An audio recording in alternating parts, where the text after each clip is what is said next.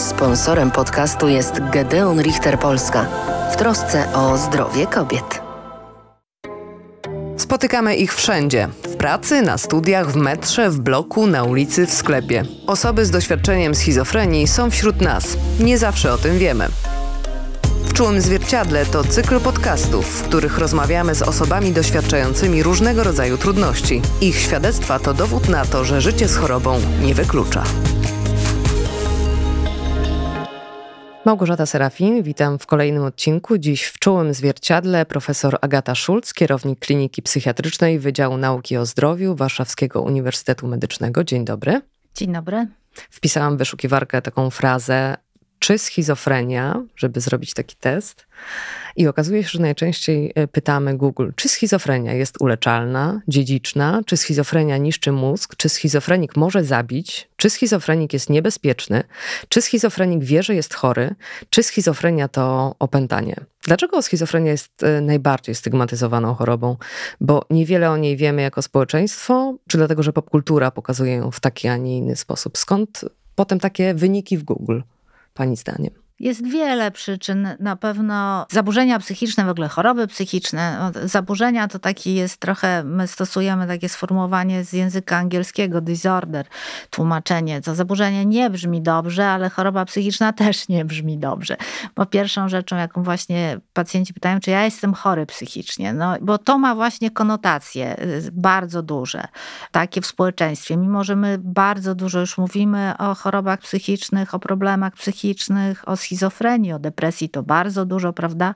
Właściwie depresja to jest taka powiedzmy oswojona choroba, bo to choroba, a schizofrenia nadal jest takim czymś... Yy, zupełnie tajemniczym, ponieważ y, pacjenci chorujący na schizofrenię do tej pory właściwie tak nam się kojarzą w takim ogólnym y, społeczeństwie, w takim to, co my myślimy, to jest taka osoba nieprzewidywalna, w cudzysłowie szalona, taka, która y, no, może zrobić wszystko i która może być nawet niebezpieczna. Tak, tam było takie pytanie.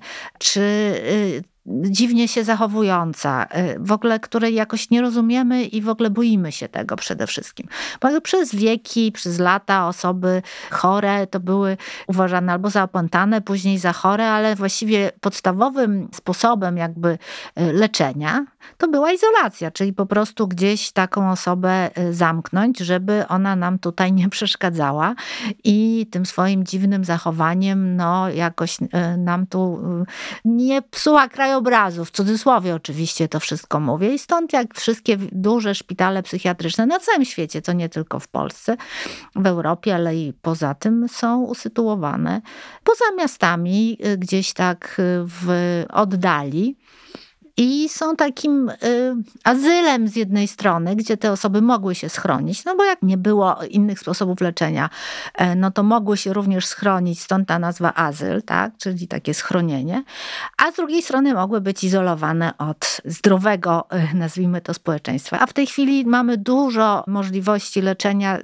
bardzo skutecznych, w związku z tym osoby chorujące już nie muszą być zamykane w szpitalu w wyjątkowych wypadkach. E, wtedy, kiedy to jest y, naprawdę bardzo konieczne z reguły dla bezpieczeństwa danej osoby i dla szybkiego jakiegoś panowania jakichś ciężkich objawów, a zasadnicze leczenie to jest leczenie tak zwane ambulatoryjne, czyli poradnia, e, zespół leczenia środowiskowego. Czyli kontrolne wizyty też, tak? Tak, kontrolne wizyty, opieka taka środowiskowa, niekoniecznie tylko i wyłącznie lekarska, a wręcz nawet lekarska tak rzadko, a bardziej psychologiczna, terapeutyczna. Bardzo często można spotkać się z takim właśnie błędnym nazwaniem schizofrenii, bo myślę, że gdyby przeprowadzić taką sondę na ulicy, to wiele osób odpowiedziałoby, że to jest właśnie to rozdwojenie jaźni.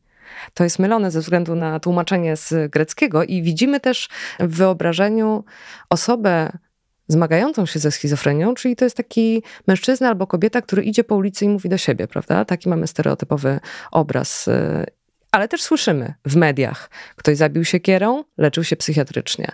I bardzo często jest to dodawane, nie wiadomo, czy jest taka potrzeba, czy nie ma takiej potrzeby. No i mamy ten nieszczęsny lot nad kukułczym gniazdem, który od wielu, wielu lat cały czas e, stygmatyzuje wizerunek szpitali psychiatrycznych. E, I to też chyba wszystko powoduje, że ta choroba nadal jest e, pełna stereotypów społecznych, że wcale nie musi tak być To prawda, e, tu kilka wątków pani Mhm. poruszyła. E, Ta schizofrenia, czyli rozszczepiony umysł, tak to nazwijmy, tak stąd y, często, no jakby też w potocznym języku, czego staramy się już teraz y, unikać i nawet y, są różne prowadzone akcje, żeby tak w potocznym języku Żeby nie mówić schizofrenik. nie, Mhm. nie mówić schizofrenik, to po pierwsze, żeby nie używać, na przykład, no nie wiem, często ktoś tam w komentarzach politycznych mówi, to jest schizofrenia, tak?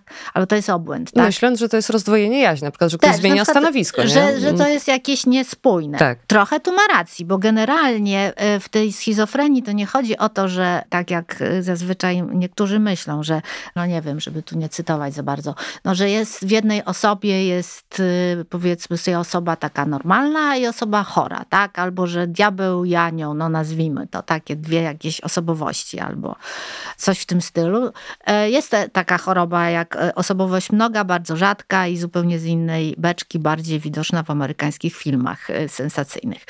A chodzi o to, że ten umysł jest rozszczepiony, że jakby nie ma spoistości całokształtu takich przeżyć psychicznych. To znaczy myślenie, y, nazwijmy to, nie pasuje do rzeczywistości, tak? No bo często nie pasuje. Spostrzeganie nie pasuje do rzeczywistości. Myślenie nie pasuje do uczuć. Zachowanie nie pasuje do myślenia. O, w tym bardziej takie poszczególne aspekty naszej, że tak powiem, osobowości nawet mogą być tu do siebie niepasujące, a nie tak, nie wygląda tak, że na pół jesteśmy podzieleni i w jedną stronę idzie część A, w drugą stronę idzie część B. To raz. Więc w tej chwili cała praca nad leczeniem schizofrenii to jest pomoc pacjentom, żeby to wszystko odbudować. Tak? Przy pomocy też oczywiście farmakologii, ale psychoterapii, terapii środowiskowej i tak dalej. My mamy takie właśnie pojęcie Trochę może z jednej strony też w cudzysłowie romantyczne, czyli takiego dziwnego e, człowieka, dziwnej osoby, która jest taka trochę ekscentryczna, tak trochę żyje w innym świecie, ale jednocześnie jest taka kreatywna i jakaś taka kolorowa. To jedno takie wyobrażenie. Drugie wyobrażenie jest właśnie latająca osoba z siekierą po mieście, która nie wiadomo skąd jej coś przyjdzie do głowy. No i to trzecie to ten lot nad kukułczym gniazdem, pewno jeszcze więcej by się znalazło, czyli osoba gdzieś zamknięta wbrew swojej woli w szpitalu, która mogłaby sobie spokojnie funkcjonować normalnie w społeczeństwie, a to opresyjne społeczeństwo na to nie pozwala, bo nie pasuje do tego społeczeństwa. No to jest wszystko oczywiście nieprawdziwe.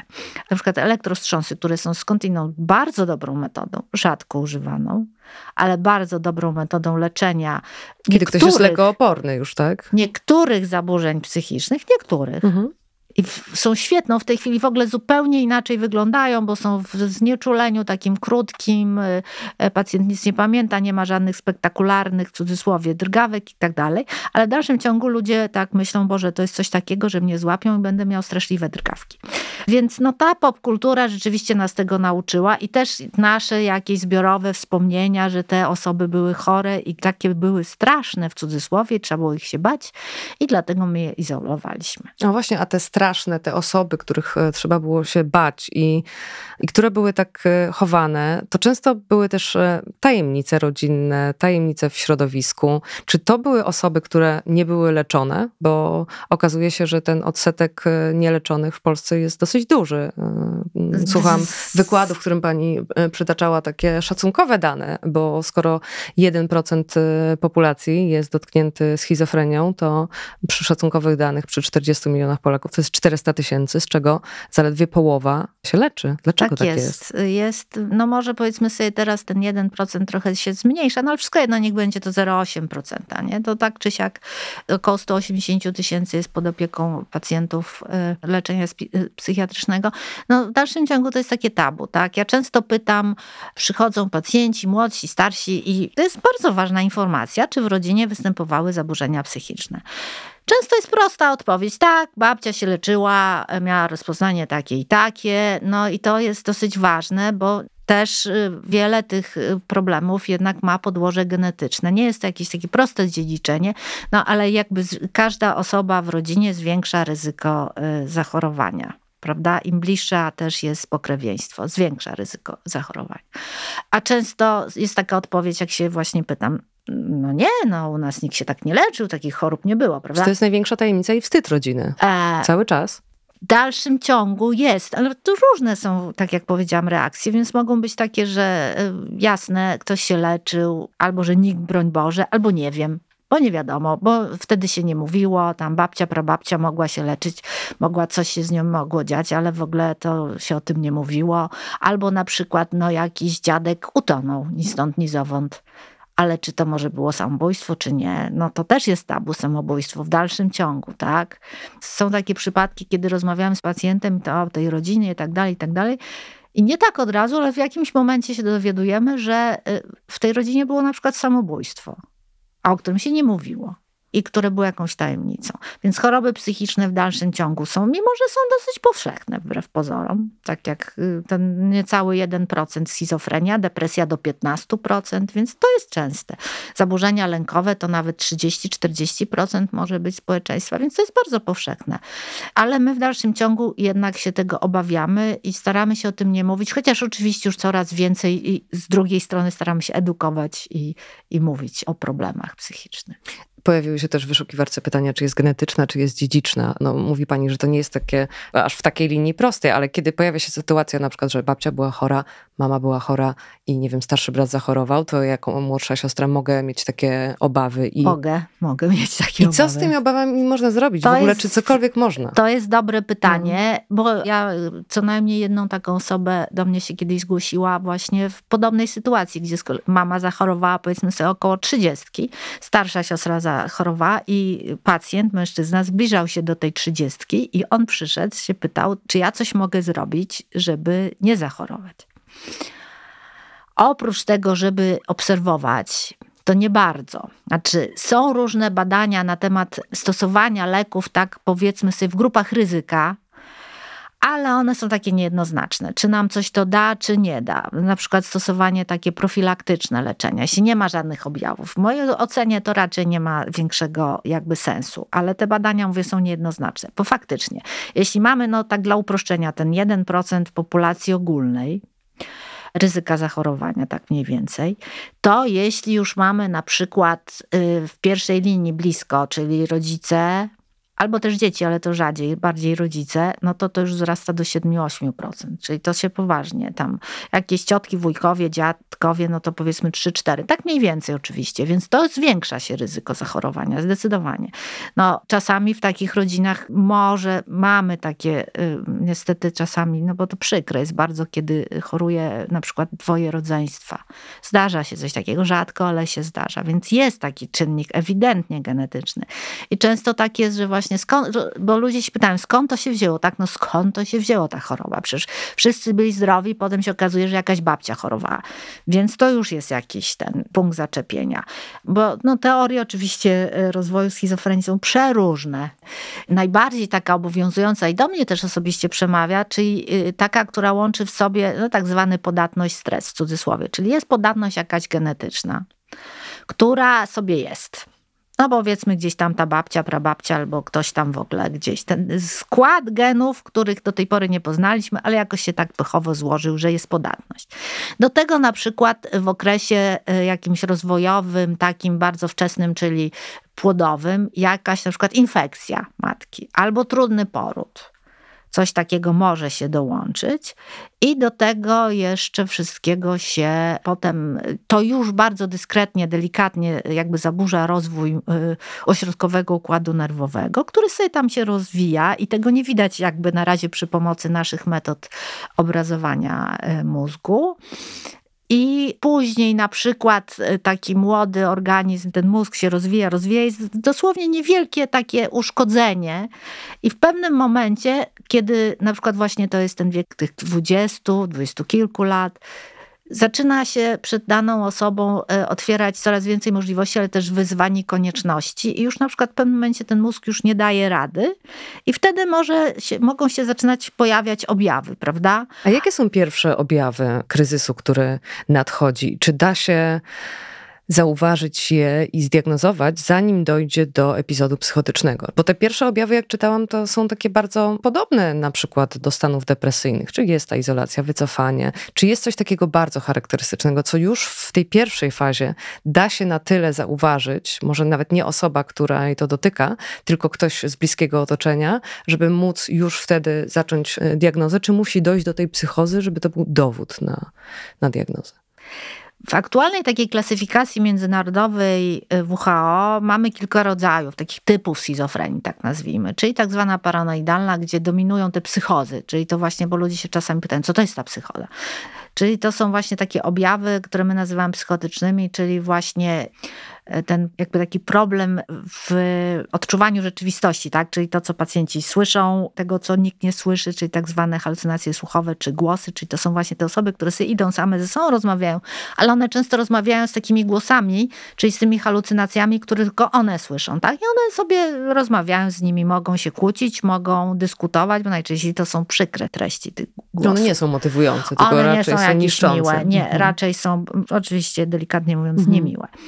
I też no, ten problem w percepcji rzeczywistości, czyli no nie wiem, e, boję się, że, że ktoś mi chce zrobić krzywdę, e, jakieś służby za mną chodzą, kosmici chcą mnie porwać. No e, czasami to są takie treści wyraźnie absurdalne, które wiadomo, czasami tak różnie to bywa, ale no, które się nie dają też zweryfikować jakby tak. No to jest taki typowy przykład, że pacjent jest przekonany, że jego matka nie żyje i choćby ta matka przyszła i mu się pokazała, że ona żyje, to by powiedział, że to nie, nie jest jego matka na przykład. Czyli to, jest tak, e, tak silnie pacjent to jest wierzy tak to. silne, Mhm. no, że nie, żadne tam wytłumaczenie nie jest w stanie tego wyjaśnić i jakby y, nawet postawienie go, że tak powiem, przed rzeczywistością nic nie daje. To jest tak silne y, przekonanie, tak, absolutnie, które się nie daje zweryfikować. Później oczywiście w trakcie leczenia to się może być taki moment, kiedy pacjent też mówi, może to już jest i choroba, te niektóre moje objawy. Potem mówi, no to było z choroby, tak, to było z choroby. No więc to jest psychoza. Ale też często są tak zwane objawy negatywne, jak my to nazywamy, czyli taka schizofrenia bez tych ostrych psychos. Mogą być jakieś takie objawy, ale to nie jest to właśnie to takie, co my mamy poczucie takiej y, y, właśnie tej popkulturowej schizofrenii, że to właśnie taka osoba dziwaczna, która ucieka, boi się właśnie, może być agresywna albo wobec siebie, albo wobec innych, no jakaś coś się dzieje, tak? Coś takiego ostrego. A z drugiej strony są właśnie takie osoby, które są wycofane, czyli na przykład dobry uczeń, czy dobra uczennica i sobie do tej pory nieźle radzili, a raptem przestaje wychodzić z domu. Przestaje się uczyć, przestaje się myć, przestaje się w ogóle w To ogóle takie o siebie dbać. objawy. To może trochę przypominać depresję. I to jest trudne do takiego właśnie w młodym takim wieku, bo to jest choroba w ogóle ludzi młodych, tak? Zaczyna się 20-30 lat najczęściej, rzadko bardzo później. Więc to jest trudne, bo często młodzi ludzie, no w tej chwili mówimy dużo o psychiatrii dziecięcej, o kryzysach różnych, o y, właśnie próbach samobójczych, y, myślach samobójczych, o jakichś takich trudnych przeżyciach młodzieży.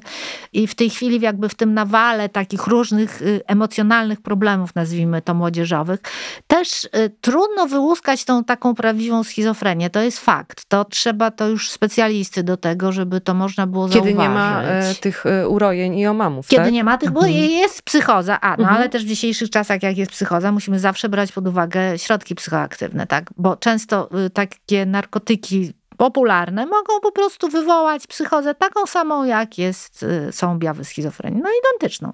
I w tej chwili się nie pozna w zasadzie. Jeżeli ktoś pojawia się, młoda osoba z ostrą psychozą, bez badań takich, y, które nam powiedzą, czy jest y, zawartość narkotyków w organizmie, to dopiero dłuższa obserwacja nam jest potrzebna, żeby tą A psychozę taka jakby psychoza po, zakwalifikować. po, po tych środkach psychoaktywnych mija e, szybciej? Tak, no Mhm. mija szybciej, ale co gorsze, w pewnym momencie nie mija już. I nawet są takie osoby, które na przykład y, dłuższy, ale nie tak bardzo długo, parę lat nadużywają bardzo dużo substancji psychoaktywnych, miewają te psychozy i w pewnym tam momencie ta psychoza nie mija.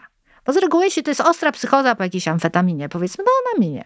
I to się wtedy leczy lekami na schizofrenię? Tak. I potem może tak być, że mam taką osobę, która nie używa już tych substancji, a psychoza jest. I to już wtedy nawet jest gorzej tą psychozę wyleczyć. Te leki są te same, bo jakby objawowo leczymy, niż taką osobę y, z taką chorobą. My tak czasem już teraz sobie mówimy tak między sobą jako lekarze, specjaliści że taką osobę, taką, że tak powiem, klasycznie chorą, Łatwiej. łatwiej jest, wyleczyć Mhm. niż taką osobę, która ma współistnienie tych y, na przykład, a to coraz częściej jest u młodych ludzi, uzależnienia od substancji e, psychoaktywnych, w tym też oczywiście alkoholu, Mhm. no i choroby. A jeszcze zaburzenie osobowości na przykład może dochodzić do Jeszcze tego? może być, tak, oczywiście. I wszystko nam się tutaj miesza i to jest bardzo trudne do leczenia. A osoba, że tak powiem, która choruje i nawet na tą psychozę, to jest łatwiej ją jednak też leczyć niż taką osobę z tymi negatywnymi objawami, bo o tym zaczęłam. I są takie osoby, u których przeważają te psychozy, są takie osoby, u których tych psychoz jest bardzo mało, prawie wcale. A są takie osoby, których jest trochę tak, trochę tak, więc przeróżne są te obrazy. Może być też depresja w przebiegu schizofrenii, może być jakieś inne objawy afektywne, zaburzenia funkcji poznawczych. I teraz będzie wchodziła, właściwie już weszła, ale jest jeszcze w trakcie takiego tłumaczenia, nowa klasyfikacja tych chorób według WHO, już 11 edycja, która nam będzie pozwalała rozpoznać schizofrenię właśnie z objawami psychotycznymi, negatywnymi, na przykład depresyjnymi. Nie będzie już tak, że mamy jeden rodzaj schizofrenii, tylko do po prostu będziemy tak e, tego pacjenta opisywać, że z różnymi takimi, które najbardziej do niego pasują te objawy. To jest chyba takim lepszym trochę podejściem, bo to rzadko kiedy ten pacjent już w tej chwili właśnie tak pasowuje się dokładnie. Ale są kryteria rozpoznawania choroby, więc też jak często się ludzie pytają, a skąd wy wiecie, tak, że ktoś jest chory? Udowodnić mi proszę, że ktoś jest chory. Są kryteria opracowane przez WHO, przez amerykańskie towarzystwo, taka jest DSM, y, klasyfikacja w tej chwili aktualna, kliniczne, bo rzeczywiście są tylko kliniczne kryteria. Nie można zrobić y, badania, które nam powie, dobrze, w jakimś 100% albo 95%, proszę bardzo, to jest Czyli osoba chora na schizofrenię. Skan mózgu jeszcze nie. Jeszcze nie, mimo że są gromadzone biblioteki tych skanów, są tysiące już badań, ale w dalszym ciągu jeszcze takie różnego rodzaju są zaprzęgnięte w to metody komputerowe, ale no nie mamy jeszcze takiego pudełeczka czarnego, że wrzucamy tutaj skan mózgu osoby A i nam to pokazuje 80% schizofrenii. A czy jest jakaś średnia, po jakim czasie dochodzi do diagnozy? Bo na przykład w przypadku choroby afektywnej dwubiegunowej Podobno jest tak, że średnio chory leczy się przez 6 do 8 lat na depresję i dopiero wtedy jest postawiona diagnoza choroby afektywnej dwubiegunowej. Czy w przypadku schizofrenii są takie podobne szacunki? Jeżeli chodzi o, o diagnozę, jak długo można mieć niezdiagnozowaną schizofrenię? To raczej nie jest tak długo. Mhm. Raczej bardziej mówimy o takim okresie tak zwanej nieleczonej psychozy, tak? Czyli po prostu, że ktoś się w ogóle nie zgłasza, albo rodzina się nie zgłasza, no to teraz już jest to coraz rzadsze, ale jeszcze jakiś czas temu pamiętam, że zgłosiła się rodzina z pacjentką, no i oni tak mówią, no to na głosy już słyszy może z 15 lat. No i właściwie nam się wydawało, że to takie nieszkodliwe jest, no ale teraz już jej te głosy powiedziały, że ma nie jeść, no to ona nie je. I już jak przestała jeść, to się zrobiło Czyli trochę niebezpiecznie. w takim przypadku są... Niestety już coraz gorsze, hmm. tak. Bo jak w każdej chorobie, niezależnie jaka by ona nie była, zostawienie jej nieleczonej pogarsza rokowanie. Także tutaj nie jest żadna, że tak powiem, filozofia. I to jest niestety często, też kiedyś już pamiętam, ktoś mnie pytał, no że w sumie takie głosy, no to jest tak zwane głosy, no to jest częste zjawisko. No tak, i że to właściwie jest norma i że tam 40% słyszy głosy. No owszem, zdarza się. Najczęściej tak są takie omamy około, nazwijmy sobie tak, przy zasypianiu, przy budzeniu się. No różne nam się coś wydaje, jak jesteśmy One jeszcze z niedoboru też mogą chyba takiej, snu wynikać, zmęczenia w takiego takim, chronicznego. Tak, w takiej półjawie trochę, Mhm. tak, to z różnych przyczyn przejściowe, ale jesteśmy do tego krytyczni, rozejrzymy się, nie ma nikogo, no coś mi się wydawało, tak, albo nawet no wiele nas też jakimś różnym złudzeniom, czy też słuchowym, czy wzrokowym, no gdzieś ja też obie jesteśmy w okularach, tak? Więc jak nie mam okularów albo jakoś coś mi przeszkadza i nie wiem, nie jestem pewna, czy znam tą osobę, czy nie, bo no nie widzę, tak? Ale podejdę bliżej, no wiem, kto to jest, tak? Więc to chodzi o to, że my potrafimy to z jakoś z tą rzeczywistością się spotkać, tak? A dana osoba chora, nawet jak się rozejrzy, że nikogo nie ma, no ale nie, dobrze, ten głos jest, on do mnie mówi, on jest prawdziwy, tak? No na tym to polega. Czy może być tak, że można mieć na przykład tylko jeden epizod w życiu, zdiagnozowany Można i mieć. potem leczony. Można Ale, ale zdarza się to, czy częściej dochodzi Tak, jednak do statystyka kilku? mówi, że Mhm. tak, y, 10% powiedzmy takich epizodów psychotycznych klasyfikowanych jako schizofrenia, bo mogą być klasyfikowane bardzo różnie, bo mogą być inne właśnie dwubiegunowa choroba, czy te narkotykowe psychozy i tak dalej. 10%, tak statystyka mówi, ma, jest tylko jeden raz w życiu powiedzmy sobie gdzieś 10 mniej więcej też procent to takie są bardzo od początku złe rokowanie, no a cały środek to jest właśnie taki nawrotowy, czyli jest raz na rok, raz na dwa lata nawrót psychozy. Kiedyś to właśnie podawało, że taka osoba to musiała trafić do szpitala, w tej chwili już nie, no można to, nawet są osoby leczone na schizofrenię, które nigdy nie były w szpitalu. Nie ma takiej potrzeby, jeśli nic się nie dzieje. Czasami, może w celach bardziej diagnostycznych, jak są pewne, czasami są wątpliwości, wątpliwości diagnostyczne. No to wtedy są też, no mimo wszystko, że nie mamy takich czarodziejskich czarnych skrzynek, ale są przydatne te badania neuroobrazowe, bo mogą być jakieś zmiany w mózgu, które mogą pewne zaburzenia psychiczne wyzwalać i mogą być nawet w jakimś tam zakresie odwracalne. Na przykład jakieś e, guzy niezłośliwe, no bo złośliwe to już jest niestety y, złe rokowanie, to robimy badania neuroobrazowe. Robimy badania EEG, na, na ile na przykład, y, czyli jest jakieś są objawy padaczkowe, mogą też niektóre właśnie halucynacje, czasami takie y, doznania wzrokowe czy słuchowe, objawy padaczkowe mogą powodować. I robimy też badanie bardzo takie neuropsychologiczne i psychologiczne które są bardzo pomocne i pomogą nam y, też y, postawić tą diagnozę, bo w niektórych przypadkach rzeczywiście, w niektórych to jest oczywiste te kryteria i to nie ma dyskusji, y, zwłaszcza jak jest ta psychoza, no bo psychoza to psychoza, no to trudno z czymś pomylić. Czy do nawrotu dochodzi po samozwańczym odstawieniu przez pacjenta leków? To jest ryzyko nawrotu, czy coś innego jeszcze może się wydarzyć, że jednak pacjent albo otoczenie pacjenta straci tę czujność na taką higienę życia.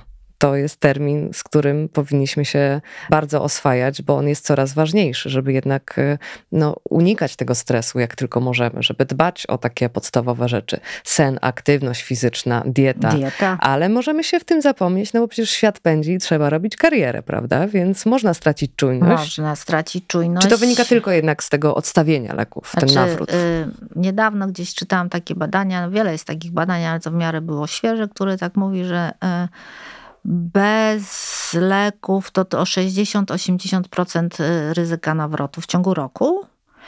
Na lekach od 20 do 30, czyli na lekach też może być, oczywiście. To niestety nie ma tak, że leki w 100% zabezpieczają, no ale jednak bardzo zabezpieczają przed nawrotem. I rzeczywiście pacjenci leki odstawiają.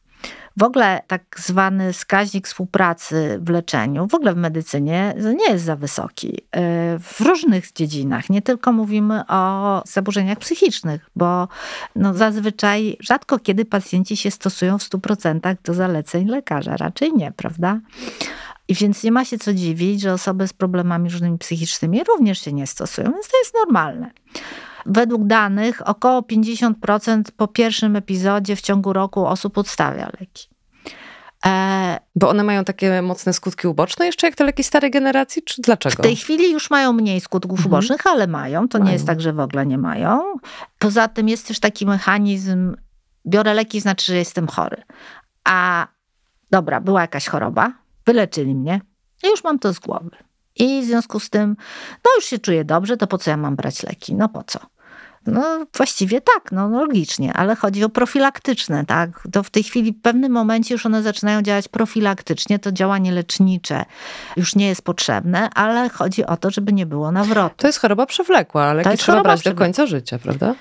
No tak. No, czy są takie zasady książkowe, według których po pierwszym epizodzie to do dwóch lat powinno się brać leki? Po dwóch epizodach od trzech do pięciu, a po trzecim epizodzie to już na stałe. No ale z reguły już po tym drugim można powiedzieć, że właściwie się zaleca już na stałe ponieważ no, prawdopodobieństwo kolejnego nawrotu wzrasta nam z każdym kolejnym. I z każdym kolejnym nawrotem jest gorzej wrócić do tego samego punktu. Dłużej trwa e, wyleczenie z tego nawrotu, więc najlepiej nie dopuszczać do tego nawrotu. Pacjenci dostają taką informację na początku leczenia. Dostają ale... informację. To jest trudne, ale też z reguły też na początku jak swojej pracy to się też spotykałam z tym, że e, rodziny niechętnie się tak, no jakby do tego leczenia odnosiły. Ty lepiej nie bierz tych leków, po co ci brać te no, leki? No bo jeszcze zmieniają osobowość, to w ogóle to jest mit. I tak? jeszcze jak właśnie usłyszymy, to jest jedna rzecz, które najbardziej mnie rażą w y, dziennikarstwie, gdzieś w publicystyce, w ogóle jak się słyszy, że ktoś jest faszerowany lekami. No jeśli ktoś ma raka, czy on jest faszerowany? No, chemią? Chemią. Tak się nie mówi, no rzadko kiedy, nie słyszałam czegoś takiego.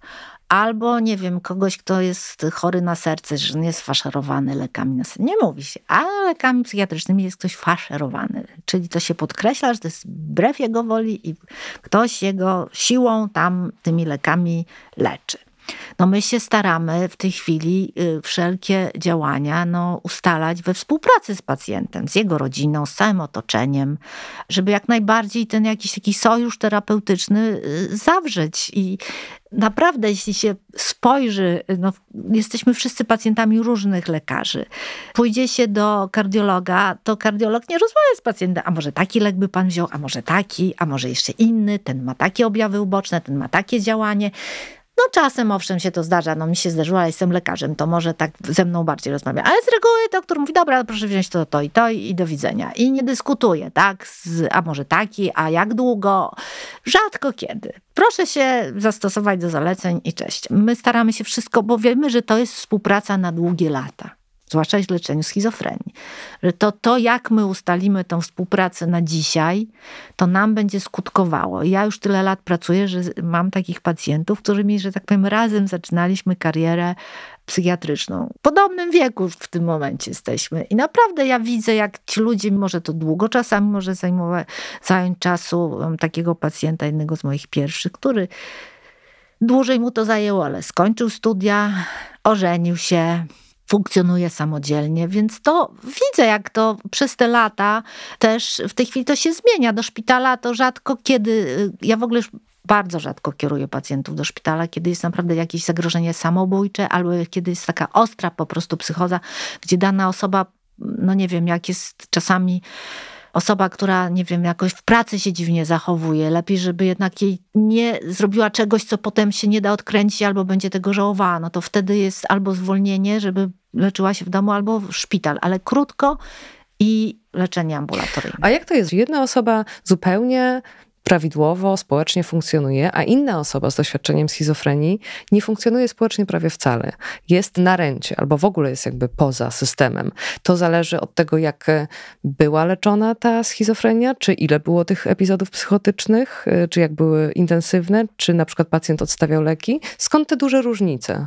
No po pierwsze od tej takiej podstawy, czyli od tej mhm. genetyki, myślę, że ten pierwszy epizod też już nam trochę mówi o tym, co będzie dalej rokowaniu, jeśli jest trudno ten pierwszy epizod sobie z nim poradzić, jeśli przeważają te objawy tak zwane negatywne, jeśli jest to mężczyzna, bo gorsze jest rokowanie akurat w schizofrenii, tak względnie oczywiście, e, w stosunku do chorujących kobiet, które jeszcze do tego się uzależnienie na przykład dołączy, trudne objawy, trudno lęczące się, przerywanie leczenia, to wtedy mamy zdecydowanie gorszy przebieg i gorsze To, to jest często pacjent niewspółpracujący? Niewspółpracujący, ale też ciężko chory po prostu też. Co razem często jedno z drugim gra niestety. No i to y, zdarza się. To jest bardzo dobre pytanie, bo ja zawsze mówię o tych pacjentach właśnie i cieszy mnie to, że są takie osoby, które właśnie funkcjonują. Lekarze, nauczyciele, y, akademicy, funkcjonować mogą zupełnie nieźle. Naprawdę. Normalnie, y, jak to czasami pacjentka przychodzi i mówi, czy coś po mnie widać? No nie, no nic po mnie nie widać. Ale tak? są też osoby, które mają już mocno tak y, zniekształcone te tak, funkcje tak, które poznawcze. same nie są w stanie na przykład tak. sobie radzić Albo w społeczeństwie. trudno z nimi się nawet y, komunikować. Trudno z nimi się, tak, no to wieloletnie y, choroby. Czy rozumiem, tak. że każda psychoza te funkcje poznawcze pogarsza, pogarsza tak? tak. I, I, to zależy właśnie od intensywności tych psychos, Też, liczby? Kiedyś mhm. była taka, i dalej jest aktualna teoria toksycznej psychozy, czyli po prostu jednak ten mózg osoby chorującej na schizofrenię, oprócz tego, że od początku jakby gorzej funkcjonuje, to z czasem jeszcze kolejne te epizody choroby niestety funkcjonowanie mózgu zaburzają.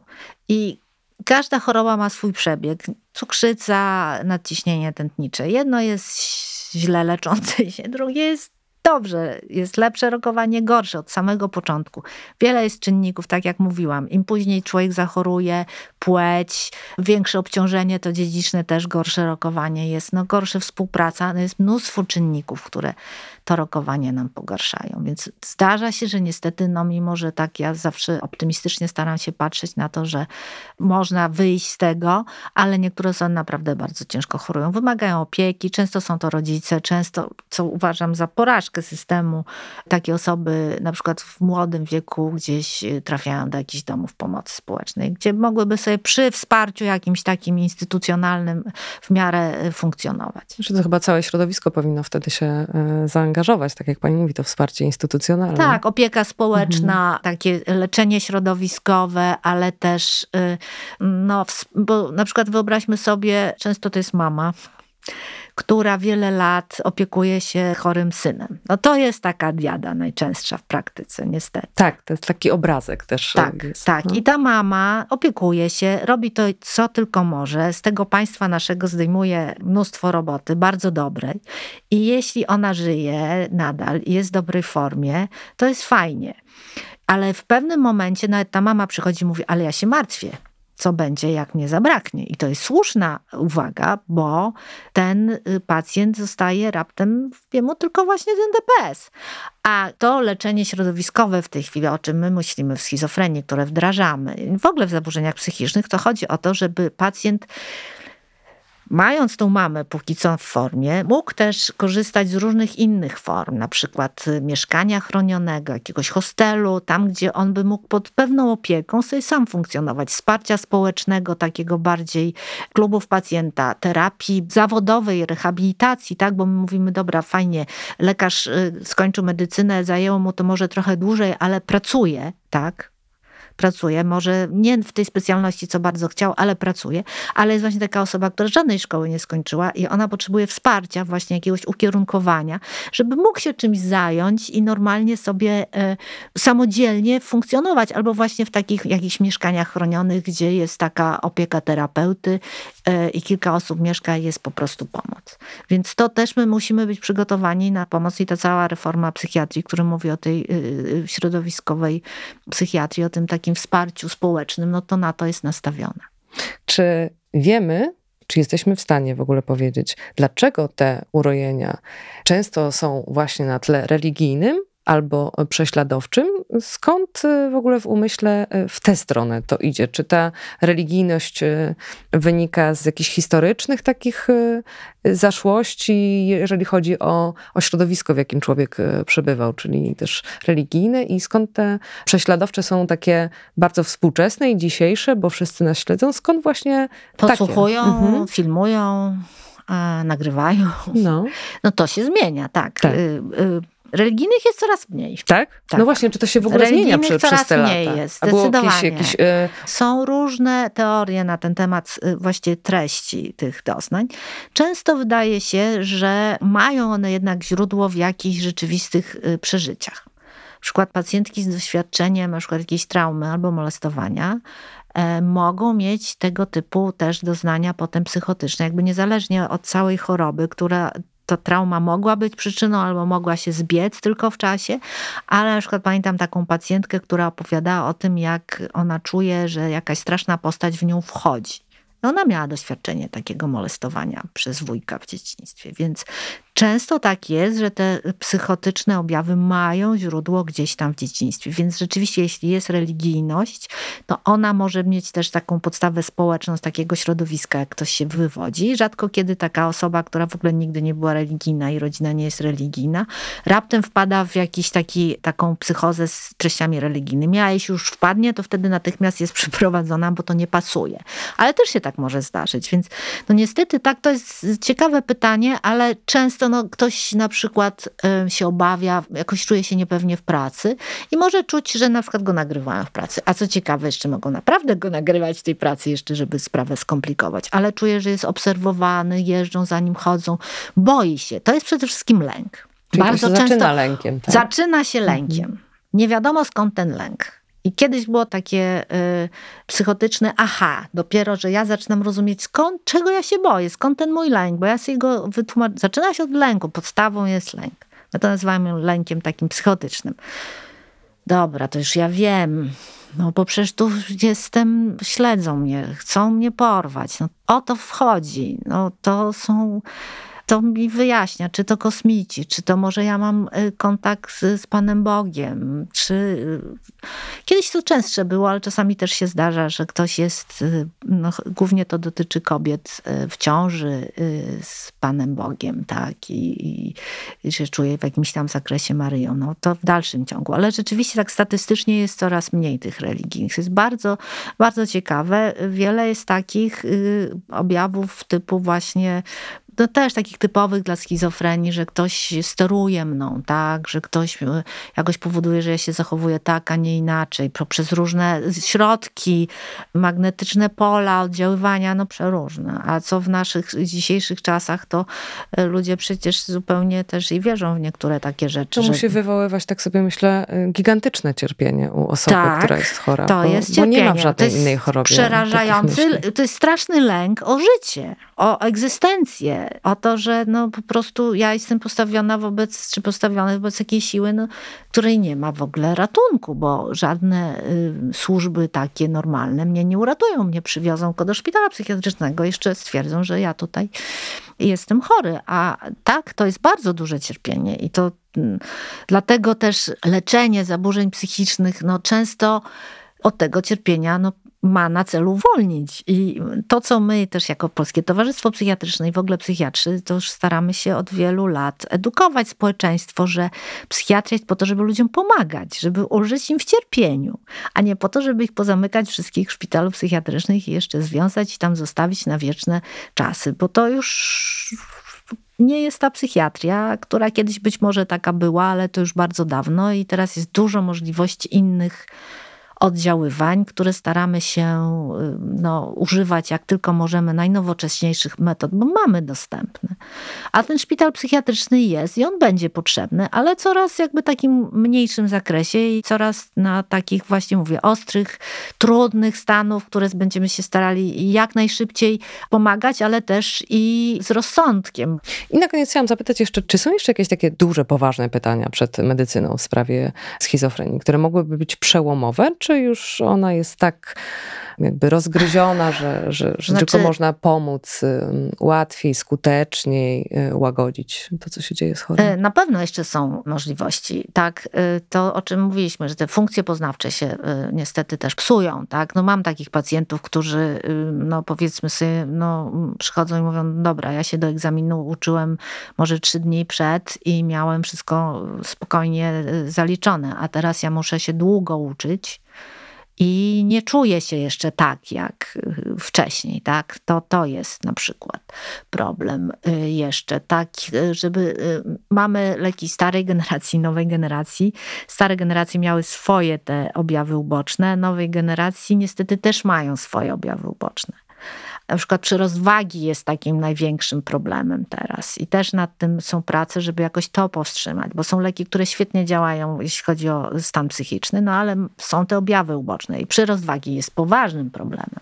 Więc na pewno to jeszcze funkcje poznawcze, tak żeby w ogóle zlikwidować te objawy, żeby nam się ta choroba udało jakby w ogóle ją wyciszyć, tak?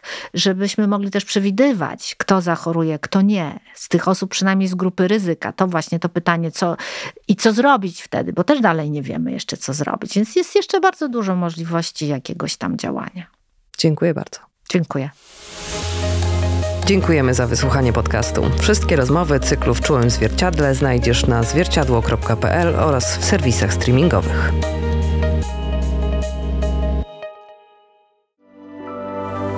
Sponsorem podcastu jest Gedeon Richter Polska w trosce o zdrowie kobiet. Produkcja Studio Plac.